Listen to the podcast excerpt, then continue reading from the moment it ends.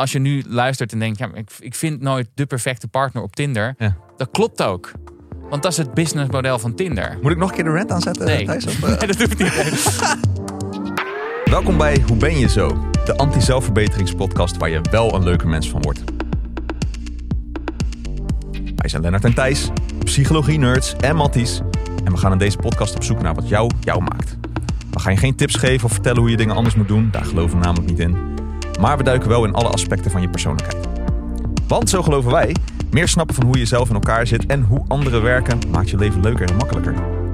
Je kunt beter zijn wie je bent dan proberen iemand te zijn die je niet bent. En dat geldt ook voor relaties. Thijs Lauwensbach. De Valentijnsdag. Ja, het is vandaag Valentijnsdag. In ieder geval de dag dat die uitkomt is het Valentijnsdag. En eh, ja, we gaan het dus hebben over relaties natuurlijk. Want dat eh, hoort er dan een beetje bij. Eh, we gaan het hebben over romantische natuurlijke relaties. Maar ook andere soorten relaties. Ehm, en dat doen we met... we vieren dat eigenlijk met een soort tweeledige special. Specials. Twee, special. twee relatieafleveringen. Dus niet alleen vandaag hoor je de, de eerste relatieaflevering. Maar volgende week doen we er ook één. Ja. Die van vandaag die gaat heel erg over de persoonlijkheidsfactoren die relaties beïnvloeden. Dus we gaan weer een beetje de Big Five induiken. Ja, En dan kijken wat daar allemaal mee eh, te maken heeft. met andere woorden, rozen zijn rood, viooltjes zijn blauw en relaties zijn fucking ingewikkeld. Ja. En waarom? Nou, dat hoor je in deze podcast. En eh, nou ja, een, een goed moment zo rond deze eh, toch tota totaal fake eh, feestdag over, over de liefde. Om eens een beetje realistisch te zijn over relaties. Ehm, want ook daarin geldt ehm, dat je maar beter kunt accepteren wat je hebt. Ook al is dat niet perfect. Dan te blijven streven naar een soort fata morgana van wat het zou moeten zijn. Wat helemaal niet haalbaar is, denk ik. ja, zo is het. En Ja. in de volgende aflevering, die hierna hoort, gaan we het hebben over hechting. Ja, ja, dus dat zijn de twee dingen. die We we gaan het nu voornamelijk hebben over aantrekkingskracht, over de persoonlijkheidsverschillen in relaties, hoe dat precies werkt. Ehm, want daar is een hele hoop over te zeggen. Ehm, en de tweede staat meer in het teken van wat zijn je basisinstellingen als het aankomt op relaties? Want er is ook een hoop over te zeggen. En dat begint vaak al heel vroeg. Hoe je relaties onderhoudt en je stijl daarin. Ehm, ook zoiets waarvan ik zou zeggen een van de belangrijkste dingen die je over jezelf kunt weten. Hoe jouw hechtingstijl is. Maar dat, is de- volgende week. maar dat is volgende week. Dus dan moet je nog even wachten. Ja. Cliffhangertje. Ja. Maar wat heb jij, eh, wat heb jij meegemaakt, minister uh, Launsbach? Nog iets leuks meegemaakt? oh, nee, Ehm, wacht, we zouden het hebben over... ja, Ik weet waar we het over zouden hebben. ja, Niet over wat we hebben meegemaakt, maar Nee. misschien ook een beetje in het licht van de relaties. Hoe wij onze vriendinnen. onze Hebben leren partners Hebben, hebben leren kennen. Ja. Ja, ja. da- dat, dat is wel een leuk verhaal. Ehm, want ik heb eh, eh, Linde, heet mijn, heet mijn partner. Mijn vriendin. Ze is niet mijn echtgenoot, maar ze is eh, mijn vriendin. Al een jaar, we hebben uitgerekend negen jaar zijn we nu bij elkaar. Zo dan. Ehm, eh, zeker als deze aflevering wordt gedraaid, want we nemen hem natuurlijk een week van tevoren op. Ehm, maar eh, hoe kennen wij elkaar? Door eh, Shakespeare. Doe maar. Ja, eh, dat Romeo en dat- Juliet. Dat moet ik een beetje uitleggen. Nee, Oh. ehm, ik ben een enorme Shakespeare-nerd. Wat een hele rare eigenschap is om te hebben. Maar dit is een van mijn hobby's. Is Shakespeare-teksten eh, lezen en, en stukken van Shakespeare kijken. Komt ook wel, mijn moeder is, is, is docent Shakespeare. Een oude, laten we zeggen, Ah. theater. Eh, Griekse tragedie en Shakespeare. Dus eh, dat zit, zit al redelijk vroeg erin. Mijn voorliefde voor de, voor de, voor de man uit, eh, uit Stratford. Ehm, maar wat was er nou? Ik was op mijn oude school, dus negen jaar, tien jaar geleden denk ik, op mijn oude school om een workshop te geven. Oude middelbare school. En daar was ik in geroepen om ehm, eh, studiekiezers. Een, eh, nou ja, de, de mensen die moeite hadden om een studie te kiezen, om die een beetje te coachen in hoe ze dat konden doen. Ja. Dus ik was op mijn oude school aan het rondlopen en daar zag ik een poster hangen van het schooltoneelstuk dat op dat moment werd gespeeld. En dat was een vrij obscuur stuk van Shakespeare dat niet zo heel vaak gespeeld werd, namelijk Troilus en Cressida. Mag Zeg het niks. Vergeten? Nee, precies. Nou, je bent niet de enige. Maar toevallig was ik op dat moment een boek aan het lezen over dat obscure stuk. Want zo'n nerd ben ik. Dus ik dacht, eh, schooltoneel van, van mijn oude school eh, speelt dat. Weet je, ik, ik nodig mezelf uit om daar naartoe te gaan. Nou, superleuk gedaan. Een superleuk stuk in een van de theaters in, eh, in, in Haarlem. Ehm, na de voorstelling kwam de regisseur van het stuk ook op het podium om even applaus te halen. En toen dacht ik, hey, dat is wel een interessant iemand. Dat is een, een jonge vrouw van mijn leeftijd.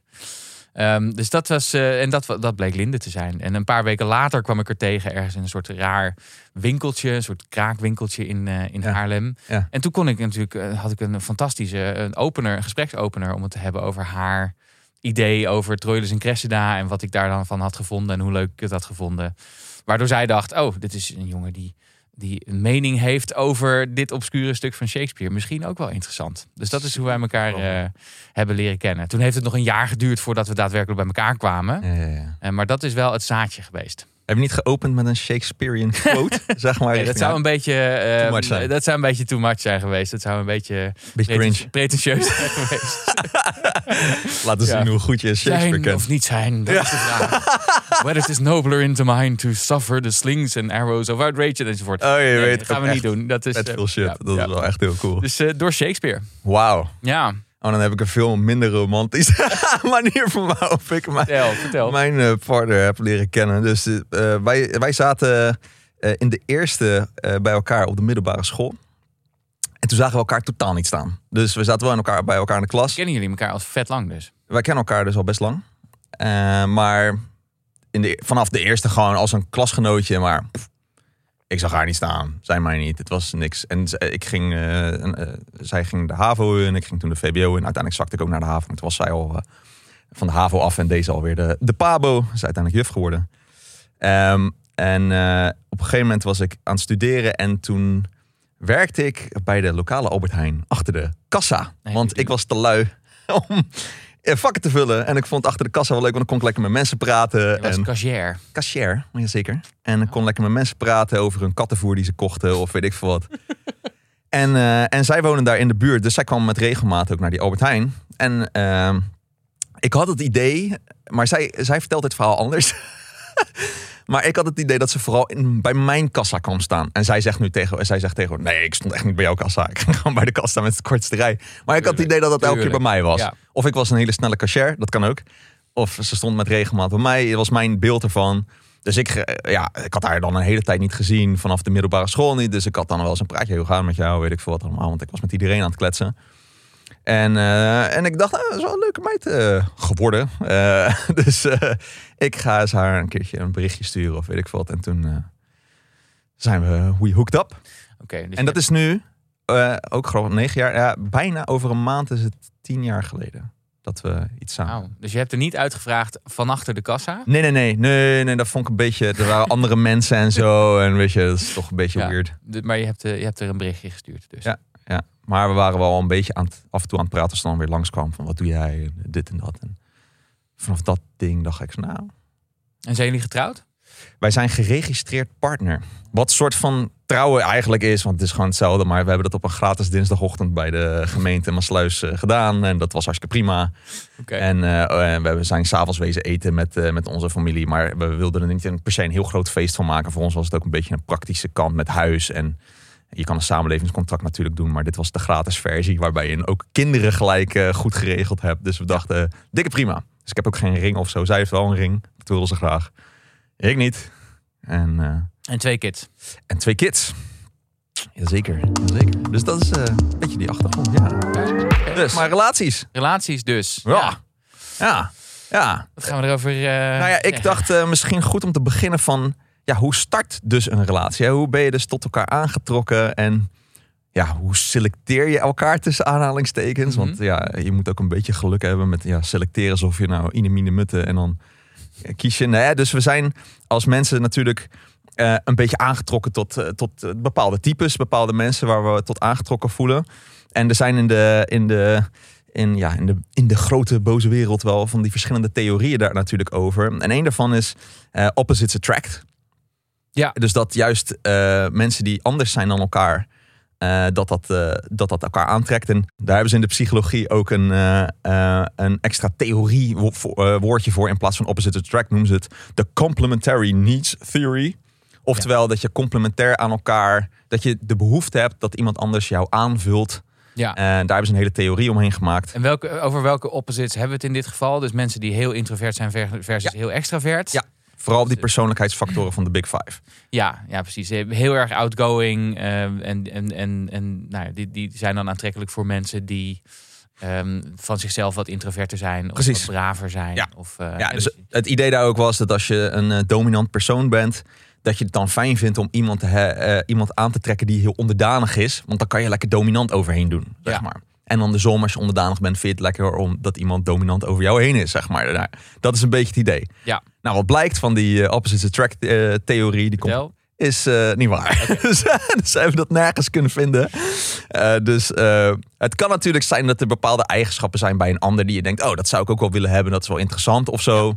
Maar over het algemeen laat dat niet de meest succesvolle relatie zien en ook niet per se die selectie. Ja, Dus dat vond ik leuk om dat een beetje uit te uh, en er is natuurlijk nog een, een, een verschil tussen waar je op valt qua types en met, wel, met welke types je een lange relatie kunt, kunt hebben. Hè? Dat zijn twee Yes. totaal verschillende dingen. Ja, maar dan nog, de, bij deze was het bij allebei de enige eh, soort van eh, opposites attract die wel eh, doorgaans voor een groot gedeelte van de mensen wel werkt, is dat je de andere seksen interessant vindt.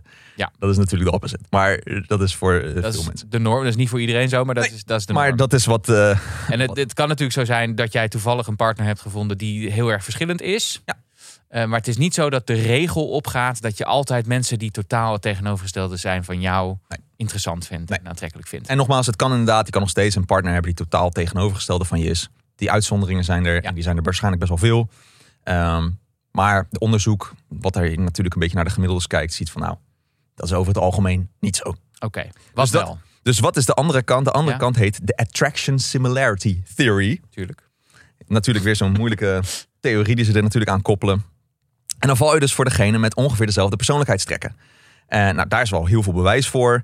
En eh, wat heel grappig was, en het onderzoek wat ik las, was dat ze zelfs eh, daar ook fysieke gelijkheid heel erg in eh, hebben. Nou, ik weet niet of jij dat herkent, maar mijn, eh, eh, mijn vrouw is ongeveer even groot als ik. Dus lengte is ook zo'n ding waar mensen ook op eh, gelijkheid een beetje op checken. Ehm, maar ook gewicht. En nog grappiger, ze hebben zelfs gevonden dat neusbreedte en oorlellengte, dat mensen daar ook gelijkenissen in. En dat doen natuurlijk mensen een beetje onbewust. Jij weer met die rare maten. Is er dan dat- weer iets met de wijsvinger en de, en Ja, de ja, ringvinger ten opzichte van elkaar en zo? Ja, Ja? dat Moet je ze- daarop selecteren? Ja. Is, dat, eh, is dat wat je, je zegt? moet er niet op selecteren, maar dat is wat mensen dus over het algemeen doen. Ja, ja, ja, dus- bewust of onbewust doen. Ja, precies. Dus eh, nou ja, je kan nu naar je partner kijken en denken... je hebt inderdaad ongeveer dezelfde neusbreedte als ik of zo. I don't know. Ja, dus dus plak, pak even een liniaal. Ga even je neusbreedte onderzoeken en kijken of dat klopt. En kom dan even terug eh, naar ons. Precies. Nou ja, en, en eh, wat ze nog meer vonden was... eh, Dus ik had een, een belachelijk grote studie gevonden... waarbij ze twee, meer dan 200.000 eh, respondenten hadden... uit 53 verschillende landen. En toen hadden ze dus een lijst opgemaakt... met welke karaktertrekken zijn nou het meest gewild. Ja. En dat geldt voor beide seksen, ongeacht waar je op valt, zeg maar. Maar vanuit een manperspectief en vanuit een vrouwperspectief... Ja. om het even zo te stellen... Dus zeggen, ze de, de psychologische eigenschappen. Dus niet zozeer het uiterlijk, Nee. maar, maar meer nou, de, de uit, uiterlijk zat er ook, hebben ze ook, dat ook karaktereigenschappen eh, noemen ze dan ook maar uiterlijk, hebben ze dan ook maar bijgenomen. Ehm, eh, het enige wat ze er niet in mee hadden genomen, maar dat is in andere onderzoeken, staat dat soort van als nummer één bovenaan, is dat de ander jou ook leuk vindt, is eigenlijk nummer één belangrijk om elkaar, om aangetrokken te worden tot elkaar. Dus de ander moet jou ook aantrekkelijk vinden, want anders denk je, "Mm, never mind. Oké. En of dan ben je een vieze perv en stalker. Dus dat zou tegen hard to get spelen pleiten. Ja, een beetje wel. Interessant. Ja, dus je moet het gevoel hebben dat de ander jou ook wel enigszins leuk vindt. Ja. Of leuk kan gaan vinden. Is, dat is nummer één. Maar dan, wat voor beide, wat voor alle seksen zeg maar geldt. Dan gaan we eerst die top. Ik heb uiteindelijk een top 5, want ze hebben een top 21 of weet ik veel wat. Hebben ze Ja. uiteindelijk gemaakt. Hele lange lijst, daar gaan we niet helemaal Ja, doorheen. dus het zijn de dingen die, die de verschillende genders eh, of, of seksen eh, interessant vinden in een partner, ongeacht van welke gender of sekse die Yes. partner is. Hè? Ja, ja. Dus voor, voor, eh, voor allemaal geldt dat op nummer 1 staat op nummer 1, stipt op nummer 1 staat intelligentie. Ah.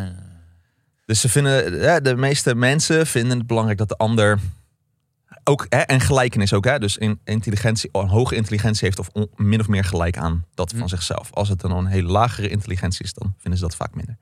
Dus dat is één. De tweede is humor. Wel een beetje dosis humor, vinden ze wel fijn. Hm. Eh, eerlijkheid, en dan komt vriendelijkheid, en dan komt een mooi uiterlijk. Het is ook wel grappig dat een mooi uiterlijk dus een, eigenlijk op vijf komt. Nou, en er zijn nog heel veel andere Ja. dingen die daaronder komen. Waarbij we wel moeten aanmerken dat dit gaat over wat mensen aangeven in een onderzoek. Hè? Uiteraard. Dus dat is, het gaat over wat mensen zelf zeggen. Dus er kan een sociale wenselijkheid, bias in dit onderzoek. Zeker. Ja. Zeker weten. Zeker weten. Maar ga verder. Dus dat is goed om in acht te nemen. Nou, en wat, wat, dan hebben ze dus ook nog onderscheid gemaakt in wat mannen willen en wat vrouwen willen. Wat willen mannen? Op één staat dan intelligentie. Op twee een mooi uiterlijk. Dus dat is voor mannen dus aanzienlijk belangrijker dan, dan wat vrouwen zeggen dat eh, belangrijk is. Eh, daarna humor, dan eerlijkheid en dan een aantrekkelijk gezicht. Dus daar hebben ze dan nog onderscheid in gemaakt. Komt dadelijk ook op een beetje neer op mooi uiterlijk. Maar in principe, eh, dan is het gezicht opeens eh, heel belangrijk. Dat is het nummer vijf. En wat vrouwen over het algemeen willen is, dan staat humor op nummer één. Dus nog, en dan pas intelligentie. Dus je moet gewoon een beetje grappig zijn, blijkbaar. Eerlijkheid, vriendelijkheid en dan de waarden die iemand heeft. Hoe Ja. betekent dat? Nou, dus eh, wat, voor, wat voor waarde hangt iemand aan? Wat vindt diegene belangrijk in life in general? Hm. Hè, vind je Shakespeare belangrijk of niet? Weet je, hè, hoe... Hele belangrijke fundamentele waarde Ja. voor, voor leven in, in deze wereld. Ja, ja, nee, ik weet het niet. Maar eh, ja, dat, sta, dat stond erbij. Values stond erbij. Dus, eh, dus nou, dat- zo heb je een beetje... Ik vind het wel leuk hoe ze dat dus hebben gedaan. En natuurlijk, inderdaad, het is, eh, mensen hebben dat zelf ingevuld als dat ze dat belangrijk vinden. Ja. Eh, dus je kan er eh, her en der een korrel zout bij nemen, want er het, heel veel onbewuste lijstje factoren. over wat, wat vrouwen aantrekkelijk vinden, staat dus niet een gespierd uiterlijk, bijvoorbeeld. Hè? Nee, die komt dus wat later op de lijst. Dus eh, het Of geld. Ja, nou is het uit, nee, inderdaad. Het uiterlijk bij eh, eh, Dat is vrouw... een beetje de stereotypen. Precies, nee, ik heb dat nog wel in dat, hè, van dat lijstje. Bij vrouwen komt uiterlijk op eh 8 en dat aantrekkelijk gezicht op 9. Mhm. Dus wel wat later. En geld, dat staat helemaal op nummer 20 bij vrouwen. En bij mannen staat het op 21, dus dat verschilt niet eens zo heel veel. Maar het is wel echt een heel stuk lager dan die andere dingen, zoals intelligentie en humor Ja. en eerlijkheid. Dus als je geen cent te makken hebt, maar je hebt wel een beetje humor, dan is dit goed nieuws voor je. Juist. Ja. En wat ook nog in de lijst stond, wat ik wel grappig vond, was eh, dat, ze, dat sommige mensen ook zeggen dat tanden heel belangrijk waren. Dat is een goed, een goed gebit. En ook handen. Eh, uiterlijk van de handen zijn heel belangrijk. Dus Oké, verzorg je handjes en poets je tandjes, zouden we zeggen. waarvan akte?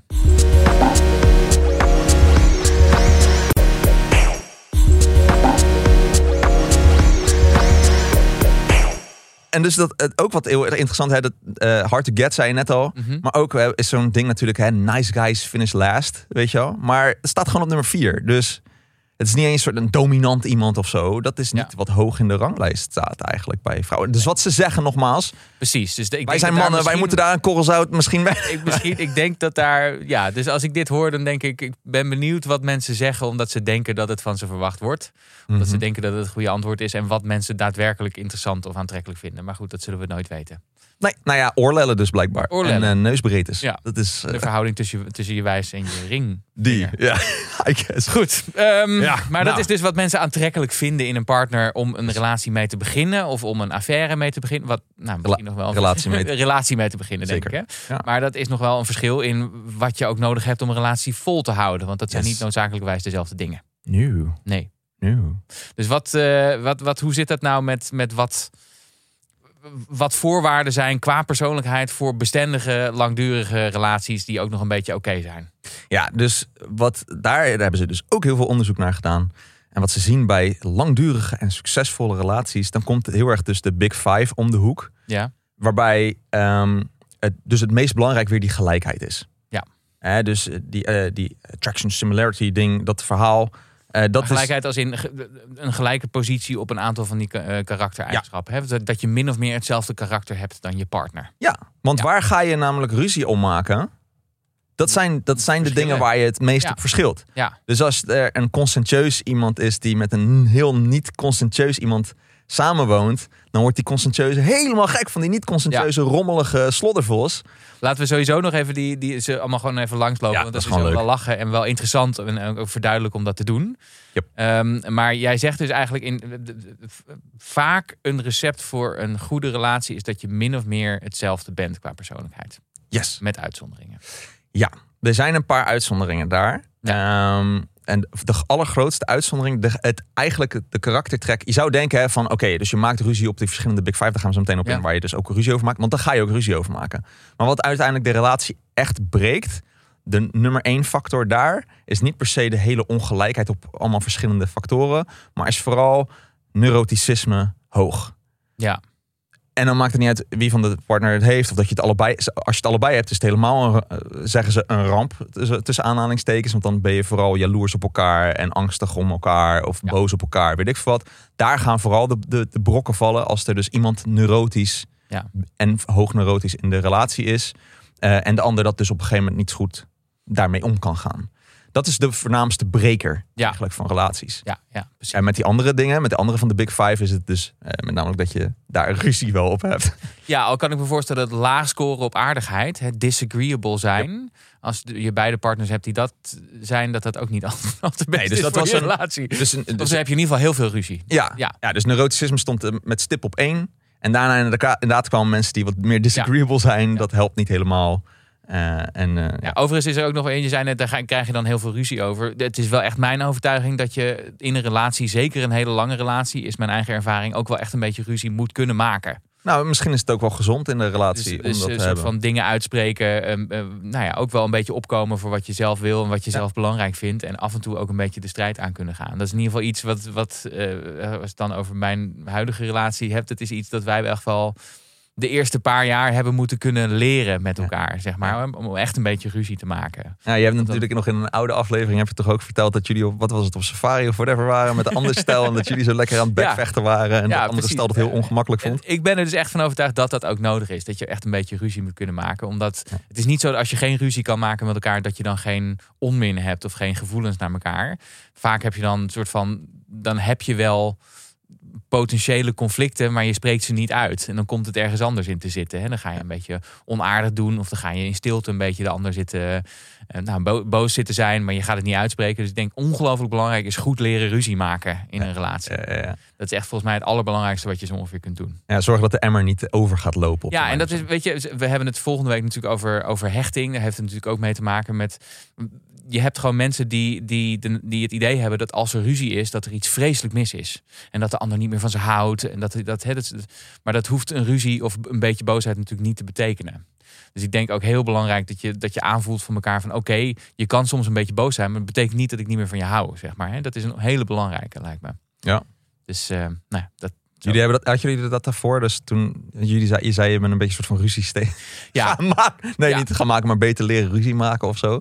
Ja, dus ik denk eh, heel, heel, ik, ik weet niet, ik- nou, ik zal eens, eh, anders zeg ik dit en dan halen we het er later uit, omdat als het dan niet mee eens is dat ik het zeg. Maar heel ruwweg ben ik een beetje de ruziemaker en is Linden een beetje de conflict, was altijd een beetje de conflictvermijdende. Oké. Dus die vond het vervelend als er, Mhm. als er ruzie was of Mhm. er waren grote gevoelens. Ehm, maar goed, dat heb je toch nodig om het vol te houden met elkaar. Dat Ja. je wel gevoelens kunt uitspreken. Dus, dus ik ben een beetje minder fel eh, geworden. Oh ja. Ehm, en zij is juist wat meer gaan ruzie maken. ja, wat goed. Ja. Wat goed. Dus dan zit je nu ook on par. Dus dat is ook nog wel een grappige, is dat ze ook hebben gevonden dat naarmate de relatie vordert, mensen ook hè, letterlijk naar elkaar toe groeien en dus ook in persoonlijkheidstrekken een klein beetje naar elkaar opschuiven ook. Ja, dus je, ja, dus je gaat ook echt onderhandelen over dat soort dingen. Dus toen hadden, we, toen hadden we geleerd om ruzie te maken, wat heel goed is. Ehm, de stap die we nu aan het maken zijn, negen jaar later, is dat we ook proberen om een ruzie weer af te sluiten als die er is. Dat is ook nog een goede vaardigheid om te Ja, ja, ja. Oké, we hebben nou genoeg ruzie gemaakt. Ehm, we moeten nou eens eventjes bedenken wat we hiermee gaan doen en het ook achter ons. Dus het afsluiten van een ruzie, daar, dat is nu, eh, dat- Mm. daar zijn we nu mee bezig. Oh, wat een goeie. Dus ik ben benieuwd wat we over vijf jaar hebben geleerd. What's next? Hoe is dat bij jullie? Ja, ook, ehm, eh, ook dat we dat wel langzaam zeker steeds meer hebben moeten leren. Ook in het begin was dat dan, eh, oh wat erg dat we ruzie hebben, zeg maar. En dat is nu steeds minder erg. En ja, is het ook, er zijn sowieso veel minder felle ruzies. Mhm. Eh, niet dat we de soort van daarmee de ruzie soort van onder tafel of, of onder het vloerkleed vegen, maar er is al veel uitgesproken ondertussen. En dus we weten al beter wat we aan elkaar hebben. En eh, er komen dus veel minder ruzies op. Dus eh, nou ja, mijn partner ook vaker hij- Die, die, die heeft ook ehm, eh, na een hele lange tijd ook, zei ze op een gegeven moment van... We zijn ook veel meer een team. Ja. En naarmate we langer in de relatie zitten, zijn we meer en meer het, een, een team samen. Ook dat je kids hebt. Soms moet je echt een team vormen tegen je kids tussen aanhalingstekens. Mhm. Of weet je, je moet een beetje op dezelfde lijn staan als het gaat om de opvoeding natuurlijk ook. Oh, mama mag dit wel. Ja, precies. Nou, het is vooral van papa mag dit wel. Oh ja, dus, daar, dus daar moet ik vooral mee oppassen. Ja. Eh, maar eh, ja, nee, dus, eh, dus dat Zijn is er dingen die je, die je hebt aangeleerd of hebt afgeleerd in, je, in de relatie? Nou, ik heb wel. ehm, eh, ik denk dat ik ook me wel enigszins heb aangepast of dat ik steeds meer rekening ben gaan houden met hoe zij bepaalde dingen wil. Dat is ook, heeft ook wel een beetje te maken met toen ik, en dat heb ik toen helemaal aan het begin van, eh, de, volgens mij de allereerste aflevering ook verteld, dat ik, ja, ik begon mijn vrouw gewoon beter te begrijpen naarmate ik ook die Big Five en de persoonlijkheidstrek ook beter begreep. En dat, daar, dat gaf mij ook wel een bepaalde rust van, hey, zij is natuurlijk een beetje anders, dus dat maakt dat zij ook andere dingen belangrijker vindt dan ik, enzovoorts. Dus daar ben ik me wel op gaan aanpassen, ja. Ja. Ja, nou ja. Zullen we die Big Five eens even doorlopen? Wat Ja. daar allemaal in gebeurt? Dus ja, dus, dus met, met de verschillende eh, persoonlijkheidstrekken uit de Big Five, wat, eh, wat, tegen welke problemen je dan vermoedelijk Precies. aanloopt. Hè? Ja. Dus nou, laten we maar beginnen met introvert versus extravert. Ja, dus de extravert die wil natuurlijk eh, graag eh, lekker veel sociale mensen, veel eh, sociale gelegenheden, Feestjes. Mensen over de vloer, harde muziek aan. Elke dag alles, ja. mensen lekker laten komen eten. Of zullen we ergens anders heen gaan om daar met hun te eten Ja. of dingen te doen. En ja, dat, dat, dat wordt. Dat vindt de introvert niet zo fijn. Nee, precies. Dus, eh, zullen we vanavond naar de kroeg gaan? Man, het is dinsdag. Kom op zeg. Calm your horses, please. Ja, Ja, ja, ja. En de, introvert, en de, extravert vindt het natuurlijk soms weer irritant dat de introvert weer op de bank misschien wil chillen met een theetje en gezellig een één op één gesprek wil. ja, Maar de extravert, nee, ik wil meer. Ja. Ja. dus dat. dus heel klassiek gezien heb je dan dus de mensen die, het stel die naar het feestje toe gaat, waar de introverte op een gegeven moment van zegt, nou wil ik eigenlijk wel naar huis, terwijl de Ja. extrovert denkt, Die oh, we net- beginnen er Ja. pas. ja, precies. So that's one. Ja, dus dan moet je onderhandelen over bijvoorbeeld wanneer je naar huis gaat van het feestje. Nou ja, hoeveel mensen er over, over de vloer komen. Of hoe vaak je je huis openstelt voor bezoek. Of enzovoort. Ja, daar beetje krijg je. geven en nemen, hè? Ja. Dat is een beetje geven en nemen. Nou, neurotisch en emotioneel stabiel. Ja, dus daar ga je. eh, nou ja, ik, heb, ik ben extreem emotioneel stabiel. Dus mijn partner is standaard natuurlijk al wat meer neurotischer dan ik. Dus waar wij het al af en toe een beetje over hebben, is dat zij het eh, vervelend vindt dat sommige dingen mij niet raken. Ja. Of ogenschijnlijk niet raken. Ja. Waarbij zij dat wel heeft. Dat is irritant, kan ik me voorstellen voor haar. En ik heb natuurlijk meer zoiets van, ja, waar maak je druk om, zeg maar. Precies. Eh, en dan heb je daar eh, soms ook weer conflict over. Ja, dus als je een verschil hebt in neuroticisme of een groot verschil hebt in neuroticisme, dan zal je dus één van de partners hebben die gewoon dingen, nou, zich snel, snel dingen aantrekt en zich zorgen maakt of piekert over dingen of angstig is over dingen. En de andere partner die dat niet zo goed begrijpt of heel veel geruststelling moet geven. Eh, dus dat hoeft niet per definitie super, super slecht te zijn natuurlijk, maar het, het vereist wel een beetje empathie van de kant van, de, van degene die wat minder Ja, ja. neurotisch is. Ja. En, en wat neurotische mensen sneller hebben, is dat ze, eh, dat ze jaloers, eh jaloerse neigingen hebben. Ja. Dus die, die zijn ook bang natuurlijk dat de relatie eh, ophoudt of dat iemand vreemd gaat of zo. En dat kan ook voor heel veel conflict zorgen. Nou, dat is ook degene, de reden dat neuroticisme eigenlijk een van de grootste voorspellers is dat eh, dingen uitgaan. Ja. Open voor ervaring versus gesloten. Ja, die open voor ervaring, die wil gewoon nieuwe dingen ontdekken. Naar kunsthallen gaan en weet ik veel wat, films zien of eh, weet ik veel. eh, Ja. Naar Shakespeare eh, optredens gaan. Heb je dan een gesloten iemand die denkt, Shakespeare, oh, wie de hel Ja. is dat? Dus je hebt een soort bekend wereldje met elkaar. ehm, waar je relatie uit bestaat. En degene die wat geslotener zal zijn, die zal het graag bij dat bekende wereldje houden.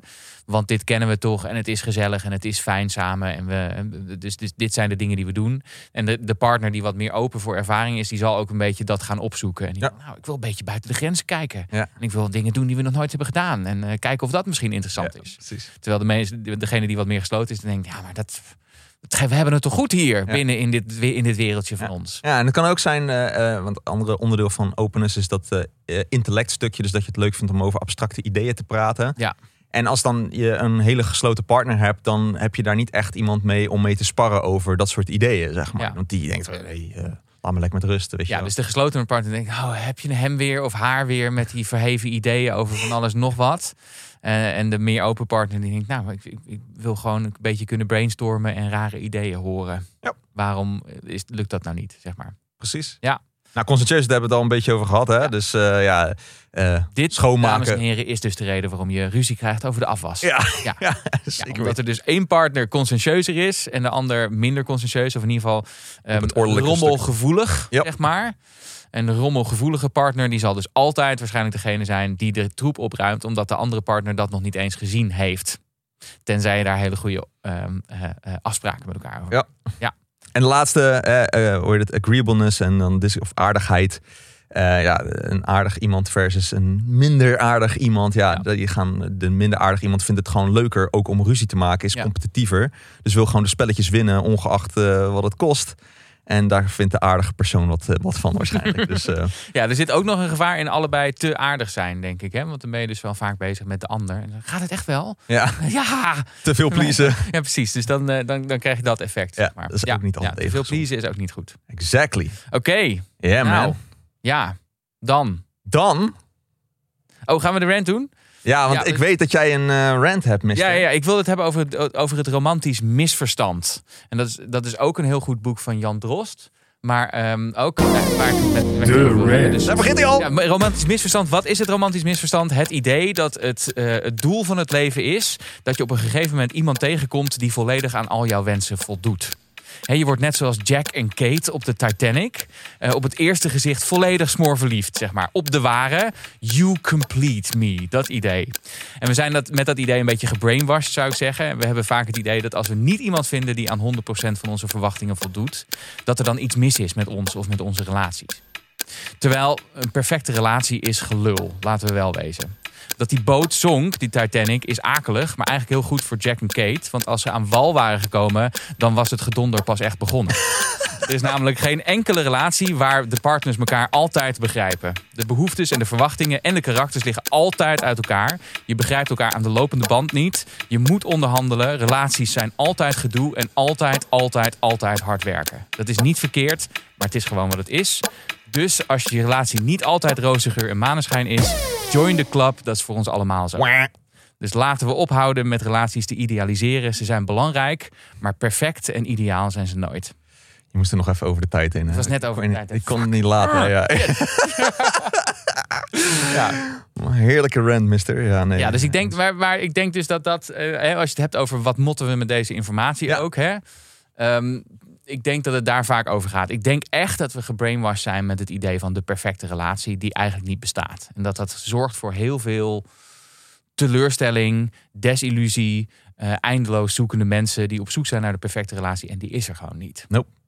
Mick Jagger zei: Can't always get what you want. But if you try sometime, you get what you need. Ja, maar Mick Jagger was dan ook wel een rockster die de halve le- zijn halve leven aan de heroïne zat. Dus ik weet niet of we dat advies nou echt moeten volgen. Maar goed, Whatever, man. Dat is een goed nummer. maar, maar het idee van een, een alles oplossende relatie die jou comple- complementeert en compleet maakt, die kan je echt laten liggen. Relaties zijn hard werken. Ja. En dat, ik, ik, heb echt, ik maak me zorgen over het feit dat we dat gewoon te weinig horen. Want ik zie zoveel mensen die geen relatie hebben en die van relatie naar relatie hoppen en dan erachter komen dat het niet perfect is en dan gaan doorkijken. Terwijl dat volgens mij voor heel veel eh, ongeluk zorgt. Ik denk trouwens ook dat Tinder, het, als je nu luistert en denkt, ja, ik, ik vind nooit de perfecte partner op Tinder. Ja. Dat klopt ook. Want dat is het businessmodel van Tinder. Moet ik nog een keer de rant aanzetten, Nee. Thijs? Of, eh? Nee, dat hoeft niet. Dit is een andere rant. Dit, ja. Nee, maar ik denk... Oh, oké. ja, nee, ik denk, dat- gaan we... Nou ja, ik denk, Geen tikkende tijdbom, maar. Het probleem, is, het probleem van Tinder is dat... Het belang van Tinder is dat je blijft scrollen. En nieuwe, nieuwe partners vindt. En waar, waar, wat leer je nou op Tinder? Dat je je partner moet uitzoeken aan hoe perfect die partner is. En hoezeer die aan jouw verwachtingen voldoet. Terwijl natuurlijk een relatie hebben gaat over wat je kunt geven. En gaat om accepteren wie je zelf bent. Snappen dat je zelf ook niet perfect bent. En dat je partner dat dus ook niet kan zijn. Ehm, en juist ook samen dingen meemaken die minder leuk zijn. En dan dus je band met elkaar opbouwen op die manier. Dus ehm, ik denk dat we daar... Ben ik nou met de tweede keer deze rant bezig? It's fine, man. Maar ik denk, ik weet niet of je. Ik denk, neem aan dat jij niet heel erg eh, veel op Tinder hebt gezeten, aangezien je al een Ik relatie heb- van negen ik jaar heb wel eens op Tinder gezeten, maar ik, ik- vooral als een soort uh, of wat. experiment. Maar ik, ehm, ik schrok wel echt. Ik, hoor, ik hoorde laatst van iemand, eh, maar ik heb geen idee, want ik heb nog nooit op Tinder gezeten. Maar ik hoorde laatst van iemand dat Tinder een beetje bevuild is met eh, vieze mannetjes die zichzelf helemaal in aluminiumfolie wrappen, behalve één deel, zeg maar. Dus, ik, ja, dus dat je heel Wat? veel vieze foto's van mensen in hun profiel eh, ziet eh, voor, voorbij komen. Dus dit is ook niet meer wat het is geweest, eh, denk ik. Dus. Twitter, eh, Tinder is ook niet meer wat het geweest is. Eh, waar zijn gewoon de foto's met eh, grote vissen en, eh, en bolderende Die zijn er ook nog steeds, maar maar dan op andere, met andere klederdracht, om het even zo te zeggen. Ja. Maar het, het- maar dit is natuurlijk die, die dat datespel, want eigenlijk is het natuurlijk een soort uitruil, hè, een soort economisch spel dat je van vraag en aanbod. Het is wel, weet je, de dingen waar we het net over hebben gehad, dat zijn de dingen die je niet zo makkelijk ziet aan het uiterlijk van iemand op een foto. Dus door al die foto's te sturen en dan ook zo'n snel biootje dat vaak ook nog heel erg gaat over hoe lang de andere persoon moet zijn of zo, dat soort, dat soort weirde shit. Ehm, eh, beperk je gewoon die groep heel erg. Ja, ja. Want je zet eigenlijk dat idee van selectie op basis van uiterlijk voor. Ja. Dus dat is al je voorselectie. En de kans dat, dat die, die persoon die dan een perfecte uiterlijk heeft, ook nog die persoonlijkheidskenmerken heeft die je eigenlijk nodig hebt voor een lange relatie, is natuurlijk niet zo groot. Eens. En ik denk dat, wat je ook hebt gezegd, dat dat ook wel eh, goed eh, gerelateerd aan hetgene wat we net in de theorie een beetje hebben benoemd. Ja, En dat je heel erg hetzelfde hoeft te zijn. Je gaat nooit iemand vinden die exact hetzelfde is als jij. En, dat, en misschien is dat ook wel helemaal niet eens zo heel erg goed. Je moet af en toe dus een beetje kunnen botsen. En als je nu een relatie hebt waar je best wel wat verschillen ziet, dan hoef je ook niet in paniek te springen en denken: oh shit, diegene is helemaal niet helemaal hetzelfde als ik. Dus Nee. hoe, hoe gaat dat nou? Nee. Het belangrijkste daarin ook is, is dat je eh, elkaar ook weer begrijpt. Eigenlijk hè, weer de hele, Ja. het doel van deze podcast. Dat je elkaar, de verschillen tussen elkaar begrijpt en daar ook eh, ja, die accepteert van elkaar. Ja. En eh, als je dat ga, eenmaal accepteert en er een beetje voor open kan staan dat de ander nou een beetje anders is dan jij, dan komt het ook wel goed in die relatie, denk ik zo. Jij wilde nog iets zeggen over eh, The Good Life. Ja, een heel leuk boek eh, eh, die onlangs is uitgekomen. Dat, gaat, dat is van twee onderzoekers die de langste studie op de huidige aarde aan het doen zijn. Namelijk, Mhm. die komt uit 1939, die studie. waarbij ze kijken wat maakt nou een lang, gelukkig en gezond leven. En dan hebben ze dus mensen vanuit 1939 ongeveer gevolgd. Nou, die sommige daarvan, de meeste daarvan zijn er zelfs overleden. Er zijn nog een paar die levend zijn, maar ze hebben ook hun kinderen gevolgd en hun partners Mhm. gevolgd zelfs. En wat zien ze nou? Wat is de nummer één ding wat zorgt dat mensen lang, gelukkig en gezond leven? En dat zijn goede relaties. Oké. En eh, dus ja, eh, zorg er ook voor dat je met elkaar praat. Hè. Die relaties zijn heel erg belangrijk voor mensen. We hebben die sociale connecties dus nodig. Vrienden. Eh, maar Er ook... zit ook nog een hele praktische component natuurlijk aan. Hè? Want je hebt soms iemand nodig die zegt... hey, dat rare knobbeltje van jou, zou je daar niet mee naar de dokter gaan? Bijvoorbeeld. Ja, Dus dat, kan heel erg anders zijn. Dat life-saving. Ja, Ja. precies. precies. Eh, maar ook gewoon dus het feit dat je, dat je ja, iemand hebt om mee te, mee te kletsen, je problemen mee te uiten. Het feit dat je gewoon iemand om je heen hebt, dat is gewoon heel erg belangrijk. Dus, eh, en het is dus ook belangrijk dat je elkaar dus aandacht geeft om die relatie in stand te houden. Ja. Want dat zorgt ook voor dat relaties het best in stand worden gehouden, ongeacht de verschillen die je hebt tussen elkaar. Eh, dus eh, ja, leg je telefoon opzij en wees gewoon eens een keertje geïnteresseerd in je partner. Dat, eh, dat helpt. Oké. Ja, en, en realiseer je ook dat, dat ook zo'n relatie ook sterker wordt over tijd. Hè? Eh, dus dat je ook veel dingen met elkaar moet uitvechten. Dat je tegen dingen, tegen je eigen karakter aanloopt en het karakter van de ander. En tegen je eigen shit aankomt, maar dat je dat langzamerhand uitvecht. Ehm, en dat hoe meer je meemaakt, hoe meer je ook elkaar gaat waarderen. Ehm, en eigenlijk is een relatie dus een soort Stockholm-syndroom. Leg er nog even uit wat een Oh, Stockholm je Stockholm-syndroom is dat fenomeen dat mensen die, die eh, gegijzeld worden, ehm, eh, opeens heel veel, heel veel sympathie krijgen voor degene die ze gijzelt. Ja. Eh, omdat het als een soort eh, eh, overlevingsmechanisme. En eigenlijk zie je iets dergelijks natuurlijk ook Ja. relaties. Post. Post! Yeah! Oké. Ja, even kijken. Wil jij ik hem... eh, ja, doe jij maar eens. voorlezen. Hoi, mijn vriendinnen vinden mij ongecompliceerd. Moet ik dat als een compliment of eerder als een belediging opvatten? Groetjes, Ping. Trouwe luisteraar. Ja, hoi Ping. Eh, ja, ik zou zeggen, ongecompliceerd is een compliment. Het klinkt als behoorlijk emotioneel stabiel. Ja, En nou ja, wat je net al hebt gehoord, dat is, ja, is, in ieder geval, ik vind het een hele fijne eigenschap om te hebben, want ik ben ook emotioneel stabiel. Ik word ook wel eens gezegd, nou, je bent wel simpel. Eh, ja, dat is ook ongecompliceerd. Ik vind het wel lekker om te hebben, maar eh, ja, dat zou mijn take on het zijn. Wat denk jij, Thijs? Nou, ik, ik denk dat dat is eh, dat vaak als mensen zeggen: oh, die persoon is gecompliceerd, dan is dat niet heel positief. Nee, precies. Behalve dat het natuurlijk wel een groep mensen is die ook wel wat, wat reuring en wat spanning in een Mm. relatie belangrijk vindt. Mhm. Ehm, dus misschien ook wel, ik denk dat te, te simpel zijn of te makkelijk zijn, zeg maar. Ehm, dat, dat is misschien voor een deel van de mensen met wie je dan date. Hè? Ik weet niet of dit een date context Nee, dat was niet per se om een date, denk ik. Maar gewoon in het Ehm, algemeen. eh, is dat misschien wat minder positief. ja. Ehm, dus als je nou de hele tijd er tegenaan loopt dat mensen je heel eenvoudig vinden. Of heel, heel, heel, eh, Dan wordt het een soort saai. Of ja, zo. ja dan, dan is misschien toch een klein beetje hard to get spelen, waar we het eerder over hadden, misschien wel een goede voor de spanning. Ja, leuk. Nice. Oké, Alright, we gaan afronden. Eh, Ja. volgende keer, eh, volgende week dus uh, relatie special number 2 over hechting dus. Yes. En hechtingstijlen en wat dat ook doet voor relaties enzovoorts. Dus eh, nou ja, ik hoop dat je wat hebt geleerd over, of wij hopen dat je wat hebt geleerd in deze aflevering eh, over jouw relaties. En kijk nog eens even lief in de ogen van je partner en eh, zeg dat je van diegene houdt. Oh, hartstikke lief. ja. Het is natuurlijk Valentijnsdag. Ehm, we vinden het leuk om te horen wat je hieruit hebt opgestoken. Eh, dat kan via onze social media kanalen. Hoe ben je zo podcast op Insta en TikTok. Yes, en onthoud, je hoeft jezelf niet te verbeteren, ook in relaties niet. Maar een leuker leven begint bij meer begrip en acceptatie. En het idee opgeven dat je anders moet zijn dan je bent en je partner anders moet zijn dan hij of zij is. Dat geldt voor stoplichtrelaties, knipperlichtrelaties en trouwe honden. Spoorwegovergang, ophaalbrug, slotgracht, overloop, Ja. telschakeling. Doei!